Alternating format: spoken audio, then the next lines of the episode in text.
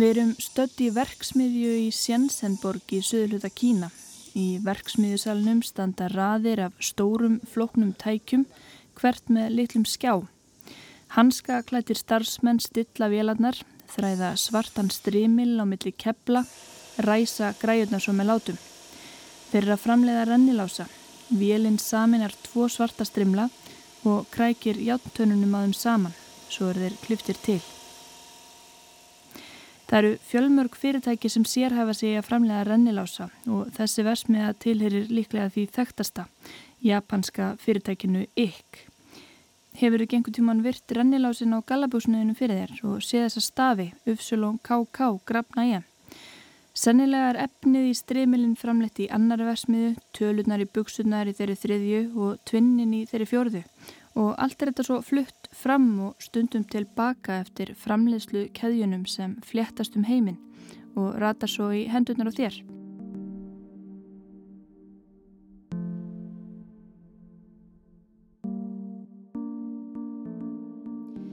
Ég er að bladra um rennilása og gallabugsur af því að mig langar að skilja kólefnisspor og til þess þarf eiginlega að skilja heiminn, öll umsvið okkar. Við getum látið það stóra og smáa renna saman í eina mósaegmynd. Mjölkurbú í skagafyrði, lithiumnámu á sléttum bólifju, óljupallana sem lýs upp norðursjó, bensinljósið í bílnuðinum, bankagögg sem streym eftir sæstrengjum, Mósasárið sem ferðamaður skildi eftir sig upp á fimmverðuháls í sumar, kínverska rennilása. Nær allar okkar gjörðir það samheilagt að þeim fylgir kólefnisspor, losun gróðurhúsa loftegunda á einhverju formi. Raunar getur við valla lift litlafingri, googlað eða hendi þvóttavel að þess að losa nokkur grömm af koldvísýringi. Stundum vildi ég oska þess að koldvísýringur væri einhvern veginn á litin að uppsafnað magnans í andrusloftinu gerði heiminin bleikan eða trén appelsínugul að okkur klæjaði undan honum þá væri ekki svona auðvelt að hunsan eins og heyrði ég fleikt að vassklósettið væri þrátt fyrir alla þess ótvíraðu kosti einn hættulegasta uppfinningi heimi hvers vegna? Jú, það býr til þá tálsína kúkur og piss hætt að vera til um leiðuverum búin að sturta niður Minnst þetta eiga við um margt fleira í dag. Það er ákveði rófa á milli neistlokkar og áhrifana sem hún hefur á heiminn. Á líf annars fólks og dýra bæði í nútímanum og í framtíðinni.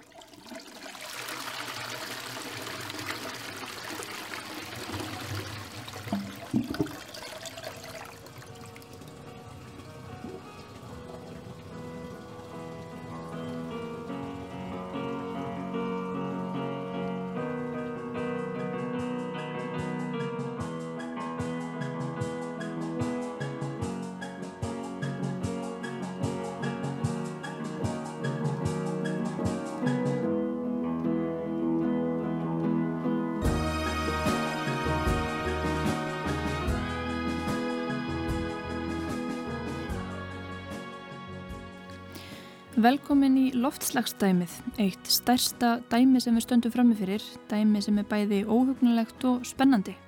Þetta er eiginlega raunveruleika þáttur, næstum eins og Biggest Loser, styrtur af loftslagssjóði.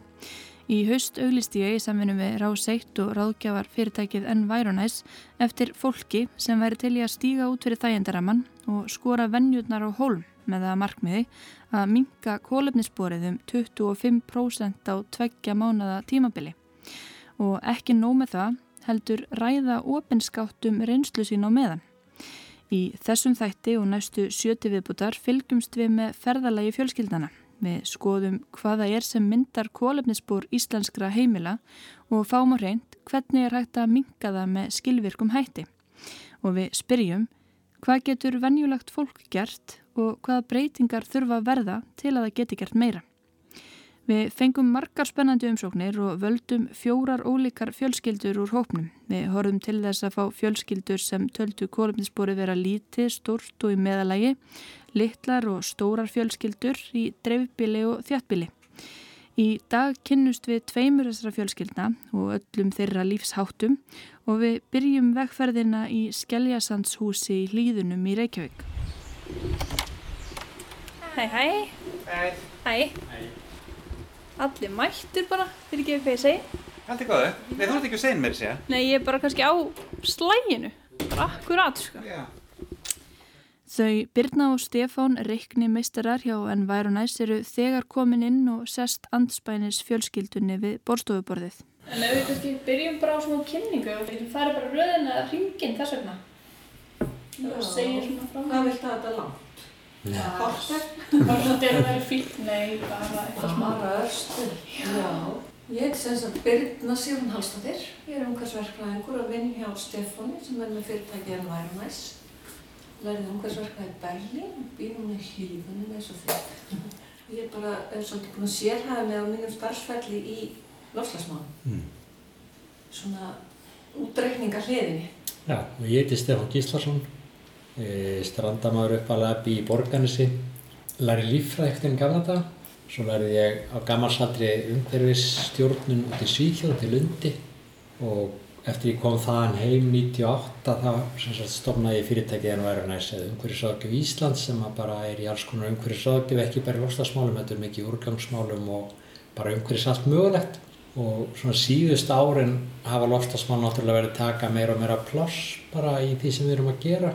Við þetta má bæta að Birna er mikill íþróttakappi, var í landsliðin í Blaki í 23 ár. Stefán þekkiði kannski sem pislahöfund í samfélaginu hér á 1 en hann er líka þekktur fyrir að vera síhlaupand upp um fjöll og fyrndi.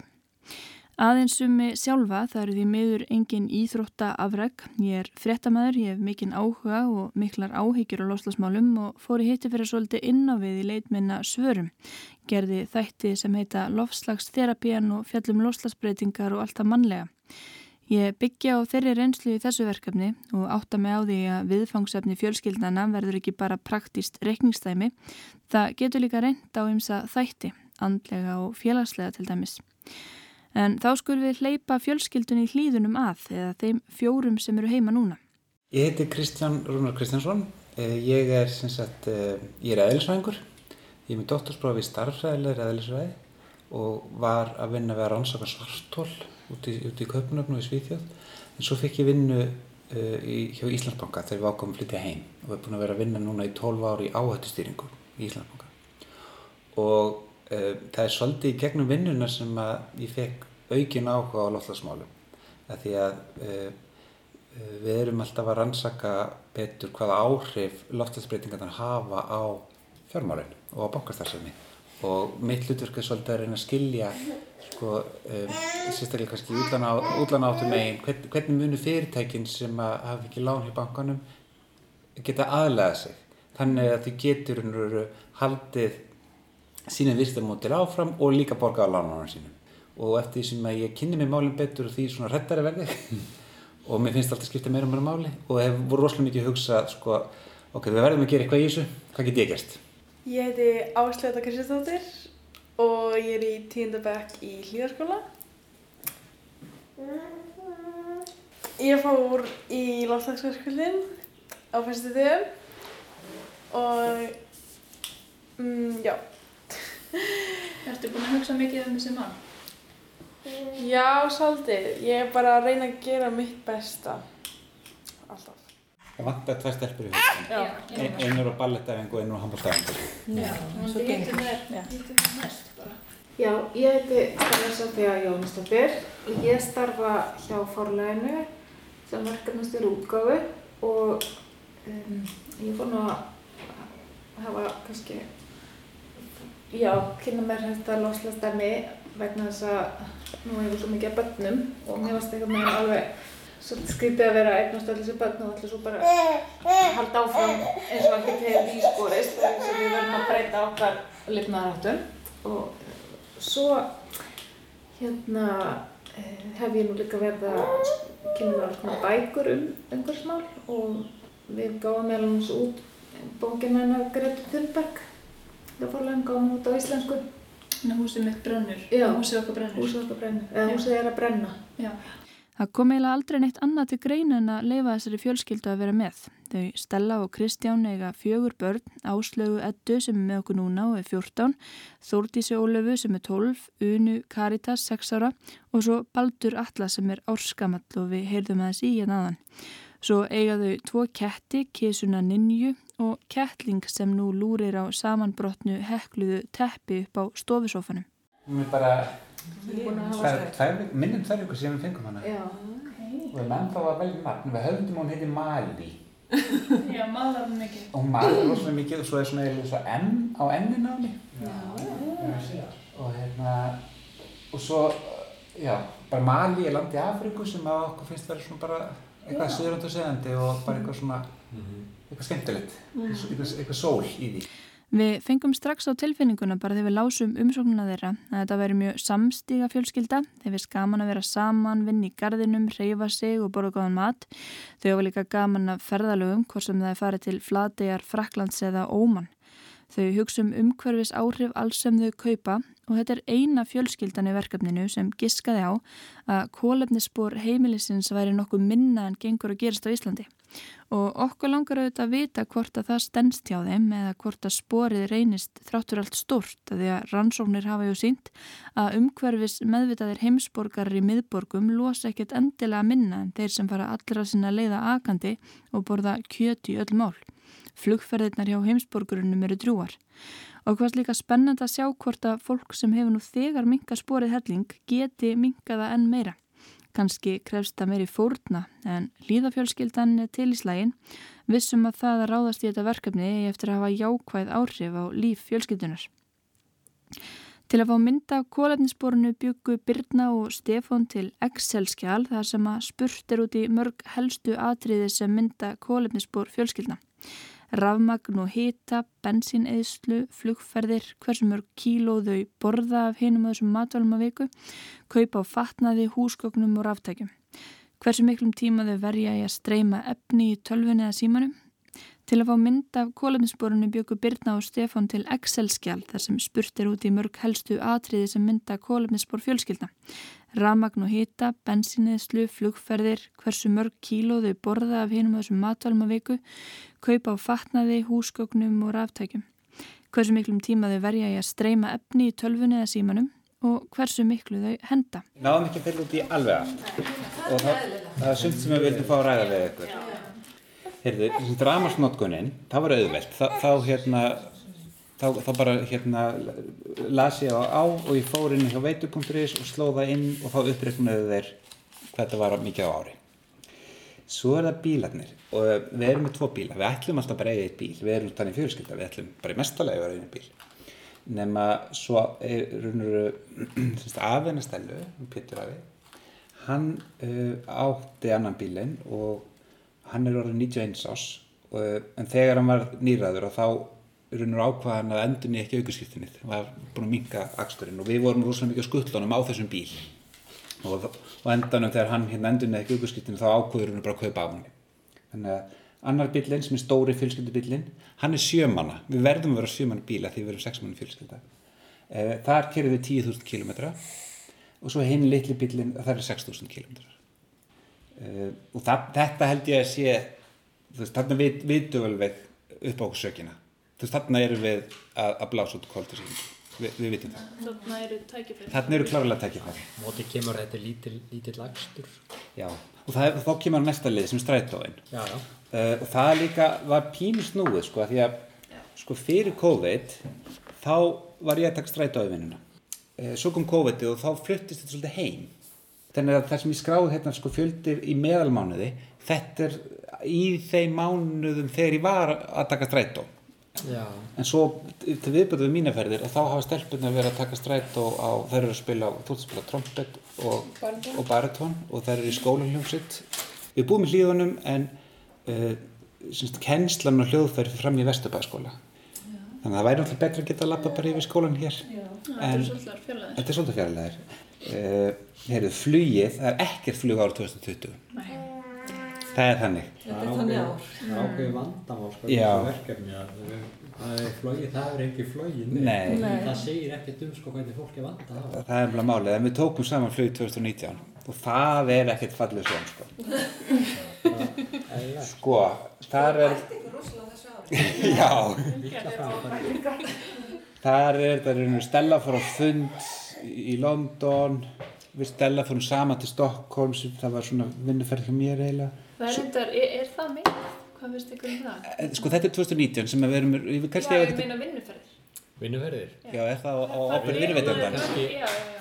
Sko ég myndi, færa það vinnustæðin sko. Já, Alveg á sama hátt og þegar við erum að reikna fyrir vinnustæði þá veltum fyrir okkur sem sagt utan að sferðum starfsmanna.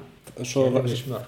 Stella, þú held, manstu, þú held fyrirlistur í Chicago, það var alveg frábært og ég fekk að fara með sem maki, mm. veist, þannig að kannski myndi þá vera vinnuferð hjá henni en ekki hjá mér. Já, saman með. Það er hjá þér en ekki hjá mér. Já, svo Áslaug, hún var að fermast Mm, það Já. það. og hérna uh, fekk í, í rauninu fermingjöf, hún, að því að amma hennar býr í, amma og afi búi í, í Fraklandi þannig að hún fekk að fara til Paris þegar heimsækja þau. Það var svona fermingjöfn og svo hinn stelpan fekk að fara til Stokkons með sínum vinkunum svo fórst þú að keppa um, í kvörbaldbúðirnar. Já. Já. Svo árið þar, þú veist þarna, 2018 í loka árs, þá fórum við til Óman. Það er svona, ég veit ekki, þá erum við að reyna, þú veist, þá fórum við mörg flug, en flugum rosalega langt og vorum mjög lengi, einhvern veginn. Og það er það sem við, okkur langar samt alveg að gera áfram, fara langt og vera lengi. Við vorum alveg, búin að ákveða það í raun og áður en þetta COVID koma. Við, þú veist, við, við höfum ekki áhuga að skreppa í helgaferðir. Þú veist, við, okkur langar ekki að fljúa til London til að fara á eina tónleika eða eitthvað svo leiðis. Ef við, við vorum alveg búin að ákveða það áður en COVID kom allt svo leiðis að ef við ætlum að annar bara vera að fljúa til útlanda þá ætlum við að gera eitthvað úr því. Þannig að, já. Það verður væntanlega til þess að fólk fer sjálfnar svona að öðru jöfnu og hérna þannig sko, hvað segja, það stuður að minni losu. Svo er það maturinn, eða sem neysla, matur og drikkur. Og þá er fyrst spurt um raukt kjöt og fólaldakjöt og svínakjöt og kjúkling. Við setjum núli í þetta allt saman. Þegar við borðum ekki neitt kjöt. Já. Og vilt þú segja eitthvað frá því? Já, ég, hérna, minnur af hverju borðum ekki kjöt? Já. Já, ég hef aldrei borðað kjött og hérna, bara alveg upp við það og fóreldrar mínu voru hættir að borða kjött þegar ég fættist en við, ég hef aldrei verið vegan samt og ég veit svo sem ekki takkur að mamma og pappi borðaði ekki kjött en afi minn hins vegar, hann borðaði heldur ekki kjött þegar hann var ungur. Já, þannig að þetta einhvern veginn mér aldrei langar til þess að borða kjött. Og svo þegar við byrjum saman hætti ég að borða kjöt Já. og, og börnun okkar hafa, hafa Aldrei aldrei, borðað. Þannig að það er, hérna, þar erum við að vinna okkur einu svolítið steg svona fyrirfram. Já. Þetta er svo óvennilegt að afið þín ekki bara kjött. Þetta er ekki engin trúabröð samt, þetta er bara svona. Fjölskyldan borða mikið á grannmeti og ávöxtum en kaupir það sjálfnast út í búð heldur fær sendan kassa frá Austurland Food Co-op fluttan sjóleðina frá Danmörku í hverri viku. sem er bara með ávöxtum og græmiti sem er valið í rauninu fyrir okkur, við veljum ekki sjálf og það er bara eftir hvað er, hvað er, hvað er ferst hverju sinni, hvað er bara eftir hérna, uppskjútímanum. Við erum margir sem gera þetta. Ég var að reyna um þetta. Þe- Þetta held ég að sé verða mjög vinsælt. Þetta er byrjað bara sem eitthvað svona lítið uh, fyrir, hérna, já, um, en, en svo er þetta vaksið að losla hratt. Já. Þetta er vaksið mjög hratt. Þeir bjóra núna upp á þetta, þú veist, í Vestmannaðum, Patrísverði, Akureyri, út um allt. Það kemur í ljós að fjölskyldan borðar kíló af eggjum á viku, fjögur kíló af kornvörum, eitt og hálft kíló af fiski, oftast úr fiskbúð fúsa í hlýðunum, borðar um 5 kíló af mjölkurvörum á viku og borðar kvorki umf nýja tófu. Sýnst að því að við erum svo svakalega vöðin að borða ekki kjöt. Já. Að þá erum við ekki að leita að einhverju svona staðkvæmdar vöru fyrir, fyrir kjöt sem umfið svolítið er. Umfið er, það er mjög þægild að nota það í kjúklingarétti eða eitthvað svolítið. Hálf kíló á nanni og hálf kíló á kattamatt. Svo voru ekki viss nefnilega annað aðtóðsendur sko. Að því að við setjum núl í gós en við eigum svona sótastrýmtæki. Okkur finnst rosalega gott að drekka sótavatt sem við búum til sjálf og ég veit að einn svona, því ég er nýbúin að kaupa svona gaskót þetta er hálf kíló af koldusýringi þannig ég bara út í búið og ég kaupi hálf kíló af koldusýringi Og losa þessu bara. og svo bara losa það bara viljandi Þetta var að gera eitthvað móral, veist hvað ég gerði? Fór og kýtti sér. Er það samt ekki bara svona eins og anda eða? Ég veit ekki alveg Er, hvernig er hann þetta er búið ekki til inn í kerfinu þessi kvöldasýningu? Ég, Það er ég eitthvað- las einhvern tímann að maður ætti ekki að vera með samvinskupið yfir sota potni. Sko, tímabili var þetta bara tekið af jarðvarma virkjun og svo var komin einhver skortur og það var verið að flytja inn hirki, sko, og þá var þetta jafnvel bara framlegna þegar bara næðsniði. hvað er þetta að segja? Síðast er Og ég, þannig var það gert hérna fyrst á Íslandi. það er örgulega ekki lengur Við nánari aðtöfum komið ljósa að hilkin sem Elko selur eru flutt inn frá Svíþjóð og flutt aftur út til áfyllingar. Það var auðvitað betra að gera það hér og losna við flutningin. Mats Æpe, markaðstjóri Sótastrím í Svíþjóð, saði svarið við fyrirspöld lofslastæmisins að gasið sem Elko kaupir væri hliðar afurð frá öðrum yðnaði. Það því ekki verið að brenna eldsneiti gaggjert til að búa til búblur í góstrykki. Sótastrím er engin dauðasind og Kristján getur anda léttar. Ef fólk drekkur mikið á gósi er ábyggilega töluverður kólefnisbarnaður í því að kólsýraða heima. Að minnstakosti lítur að vera betur en að drekka gós sem er framleitt erlendis, minni tilgangslaus innflutningur og vatni. Og það má til dæmis hafa í huga að dósa kókið er innflutt en kóki í plastflöskum er framleitt hér úr þykni og íslensku vatni. Okay. Svo þessi flokku var svolítið erfur hérna líka. Það er svona ímsar vörur, kiptur á árunnu. En þá, þá vorum við svolítið bara, ok, það stendur kiptur á árunnu. Mm -hmm þar sem það kipti jólugjöf, það er ekki á þessu ári. Það er ekki með. Nei. Þannig, Nei. Þannig að við myndum bara eftir tveimur aftækjum. Við kipti, eða Stella kipti ramaslöpuhöl í vor. Já. Það var svona eða sumugjöfinn til heimilsins. Þannig að við kiptum eitt svona ramaslöpuhöl uh, sem er rosalega skemmtilegt og svo skiptist bara á að nota það. Uh, og stelpunar hafa farið á því á, á körpaldæfingu eða á ballettæfingu og svo leiðis og við höfum skroppið í bæ og eitthvað svona. Þannig að þetta er svona þetta er samgöngutæki -hmm. meira heldur en leikfang Já. Já.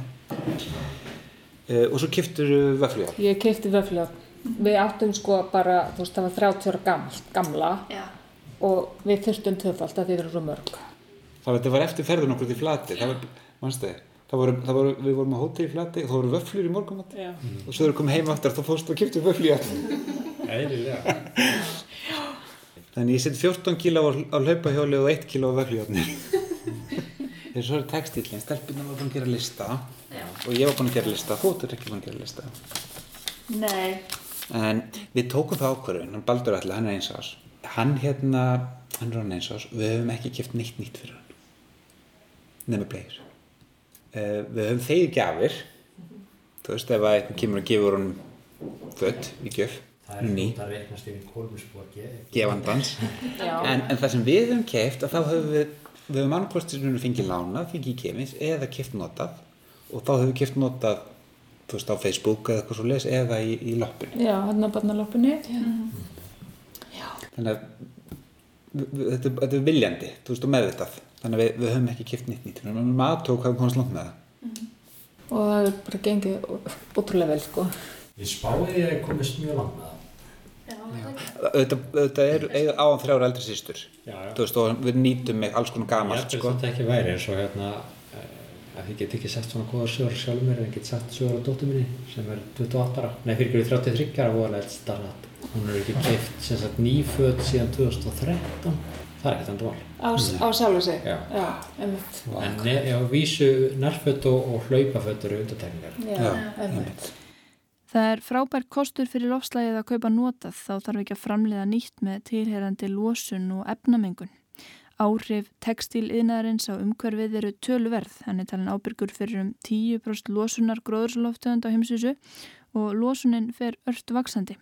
Fataframleiðsla í heiminum hefur tvöfaldast á síðustu 20 árum og meðal Íslandingur kaupi 20 kíló á nýjum textílu ári.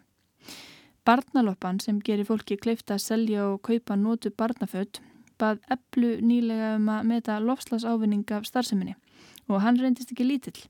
Eplu reiknaðist til að með því að komi vekk fyrir kaupa á nýjum fatnaði hafi barnaloppan frá því hún var opnuð árið 2018 sparað 5.000 tonn af koldusýringi. Það jafnast á við útblástur 2500 bíla á einu ári. Stefán og Birna gefa sér að sporið af nótuðum fötum síðan næstum núl svo framalega sem þeim er ekki hendi rustlið að nótkun lokinni því að þá myndu fötur lífverðanum efnum losa metan á haugunum. Innflutt vintage-fött eru kannski með örliti fluttningsspor en sporið er hverfandi með við spor af nýjum fötum. Samtals kefti fjölskyldan í hlýðunum tæp 9 kíló af fötum á fyrstu 8 mánuðum ársins 2020. Þegar ég, ég legði þau í bleiti, ég held að ég hef munið eftir öllu sem, öllum fötur sem ég hef fengið á örunu. Ég, ég, ég fekk jakkafött og tvær skýrstur mm. sem ég hefði í rauninu pantað áður um COVID kom og þú veist, svo var ég að vinna heima á nóttvöldun, þú veist, það var ekkert þetta að gera. Mér finnst óslag gafna að köpa skó mm -hmm. og bara, þú veist, fallegi skór eru gullsíkildi og sérstaklega eru gullskór til dæmis, yeah. bara mjög fallegir. Ég, það kannast náttúrulega. Ég vil alveg köpa með nýja skó En hins vegar hef ég eiginlega bara föt.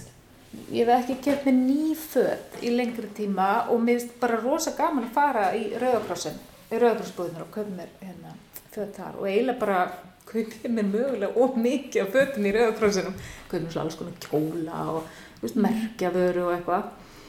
Svo hérna að því að úlengstelpurna mínar eru, þú veist, ef það er ekki orðina stærri en ég, þá eru það orðina jafn stórar og ég og þá notum við mikið til sömu fötin og þær voru búin einhvern veginn að taka mér yfirhafninar átti, ég var eiginlega farin að gangi einhverjum batnajökkum og einhverjum, þá kefti ég með nýjan vaksjakkan daginn, barbor, en ég hugsaði með mér, ég ætla að eiga hann að eilífu og hún sagði það líka konin í búðinni, ef ég passa vel upp á hann og setja á hann vaks og svona, þá mun ég eiga hann að eilífu og ég ætla að eiga hann ein.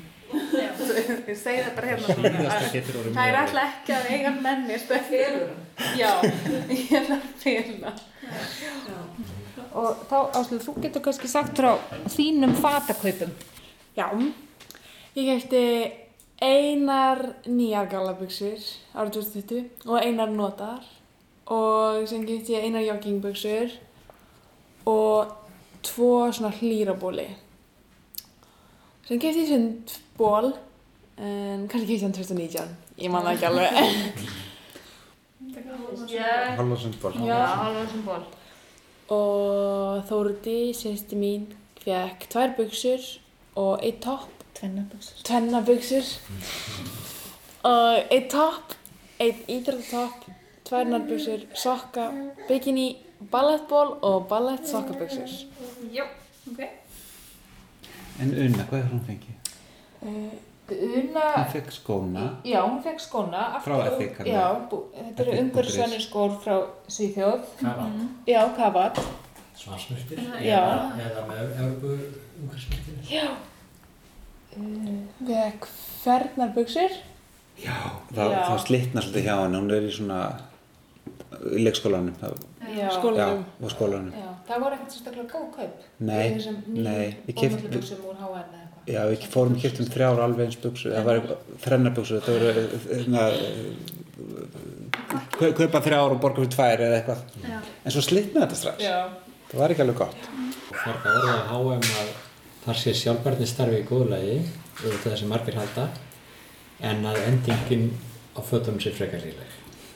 Já. Mér það mjög misjönd. Það er alltaf gangur á því, sko. En þeir eru með einhverja úst, auðlýsingaherferð núna í gangi Já, og, ég sá það. og ég hugsa bara með þegar ég sá þetta að ef þetta væri eitthvað feik hjá þeim, ég trúið ekki að þeir myndu leggja út ykkur svona dýra auðlýsingaherferð með ekkert að baka það. Nei. Af því að þú veist, Það er svo orðsporið er of dýrmætt núna. Já. H&M er eitt þekktasti hraðtískur í sig heims. Fyrirtæki hefur síðastlegin ársett sér mörg markmið sem tengjast sjálfbærni, sangirni, gagvart verkafólki, ringrásarhagkerfinu og loslasmálum. Ætlar að verða losunar laust árið 2040 eins og Ísland. Það var meðal þeirra fyrstu til að fara að merkja ákveðna vörur sem umhverfisvænar, trend sem að sést víða núna. Í H&M kallast þessar flíkur conscious eða meðvitaðar en eru þær það?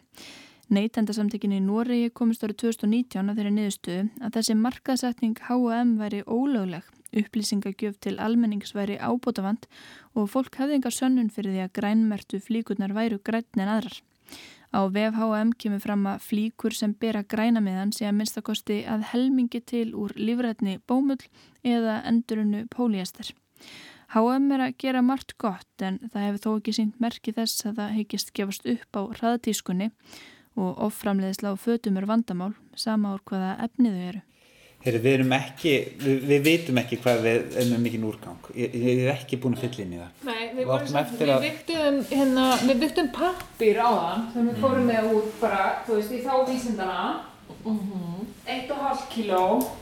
Sko við ætlum að, það sem við vitum að við, við flokkum, þannig við flokkum pappír og plast og gler og málm og svo erum við með, söfnum öllu lífrænu og, og erum með okkur eigin maltugerð út í garði sem að hérna á einsku, eða já, erlendum málum þetta kallar kompost.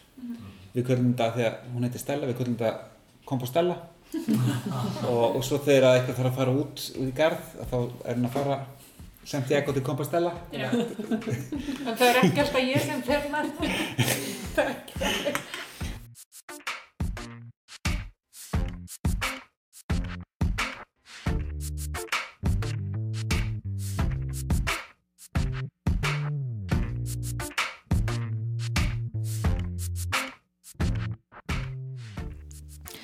Frá Compostela í hlýðunum förum við til Akureyrar og hittum þar aðra fjölskyldu. Ég fekk far með Stefán á ramaspilum og við sóttum Byrnu sem kom með flugi. Í raðhúsi efsti Giljakörfi, norðanmegin Glerár, búa Eidís Helga, Björgvin Lógi og dóttir þeirra Andrea Brá, tveggjára. Það er bara næst ekki að daga til það. Já, beigir hérna til hægri. Og stapp full þessi Vesturgil. Já, það. Já, Og allir með grímur. allir með grími nema eitthvað þrjú börn. Já. Það þarf vist ekki að vera með grími að maður er Turn right. 12. Then, turn left.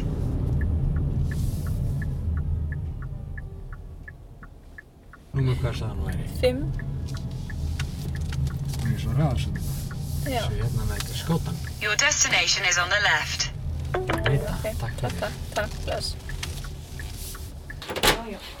Já, hæ hæ. Bara náðu ekki að dingla eins og sko. Já, ok, æ, við vorum nefnilega að hengja út þvottinn þannig að ég held kannski að það hefði verið búin að býða, ég sá ekki bara Já, En velkomin. Veður veður. Já, Hæ hæ.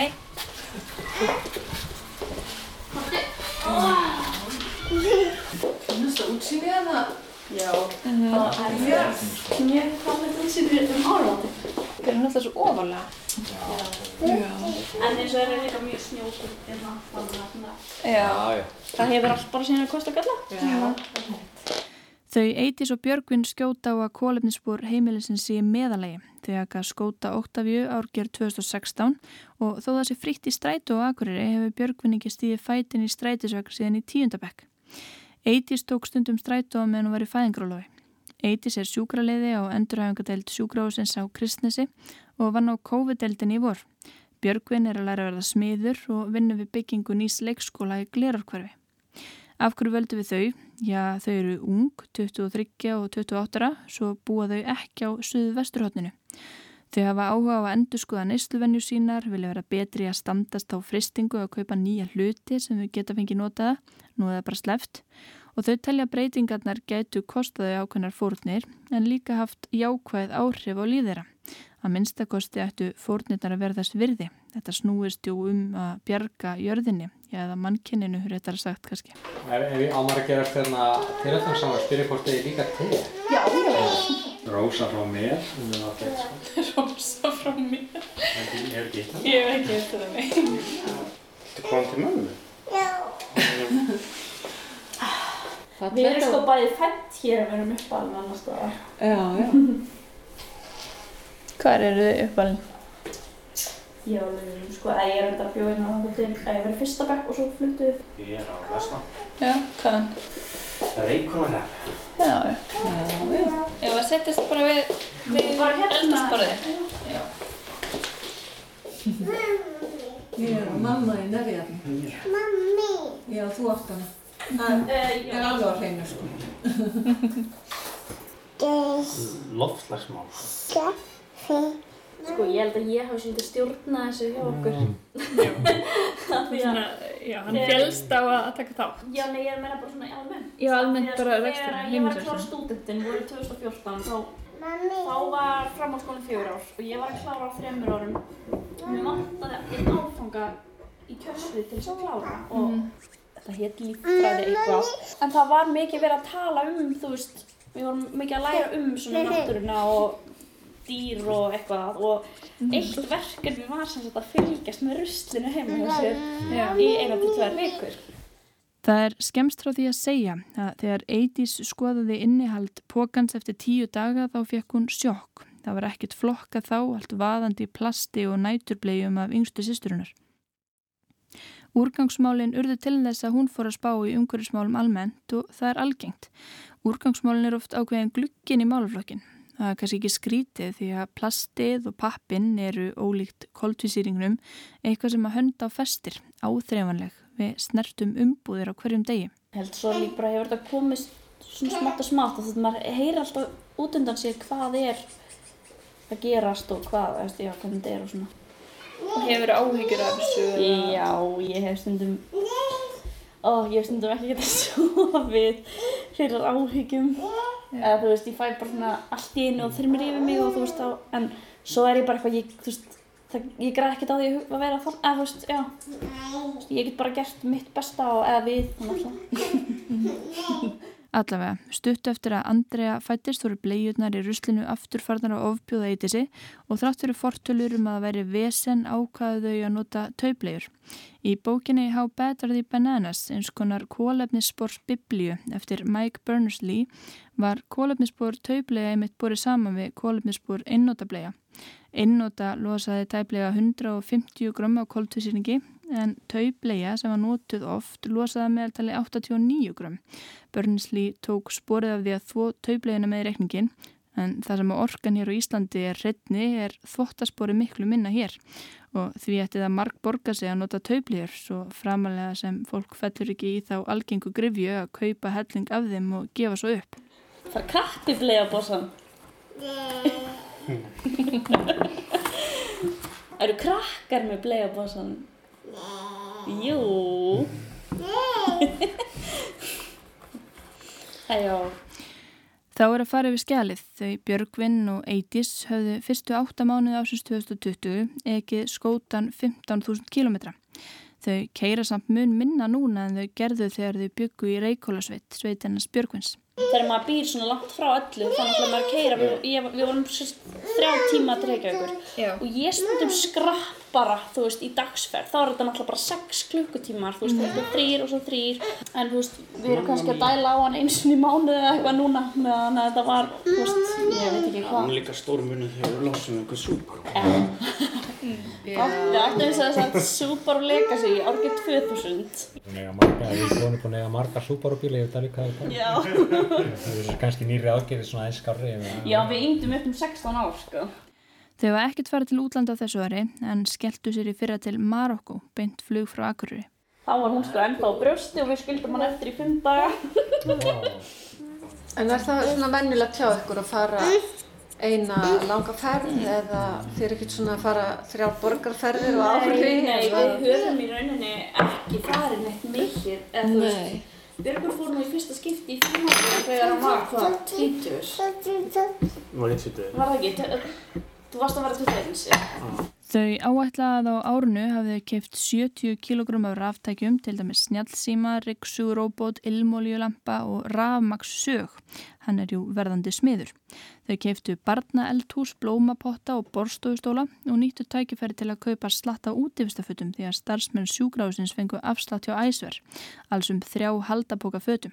Svo keiftu þau 15 snuð og 15 kíló af hreinlætisfurum. Fjölskyldan borðar töluverta lambakjöti, 1 kíló af viku. Fóreldrar Björgvins eru fjárbændur og þau fá yfirleitt einn eða tvo skrokka ári fyrir að hjálpa þeim í göngum og öru. Þau borða lítið af fiski og bönum en mikið á gremmit og ávöstum, sérstaklega gúrkum, berjum og melónum. Við höfum verið mjög lélega að elda núna upp á síkastið og þess vegna kannski líka aðeins meiri pappi því við höfum verið að funda pítsu. Nei, við erum svolítið drúar á pappa.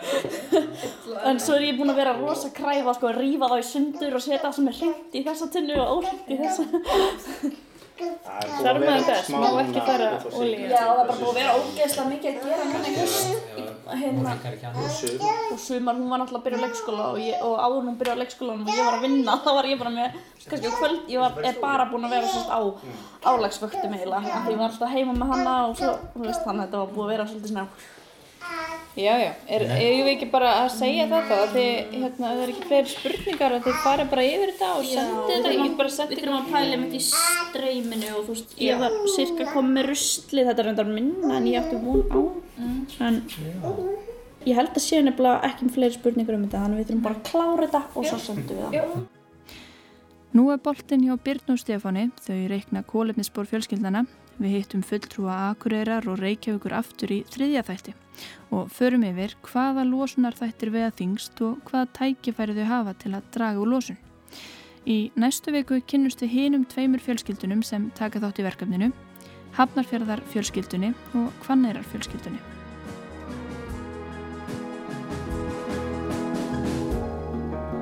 And this is the house where I, I feel alive.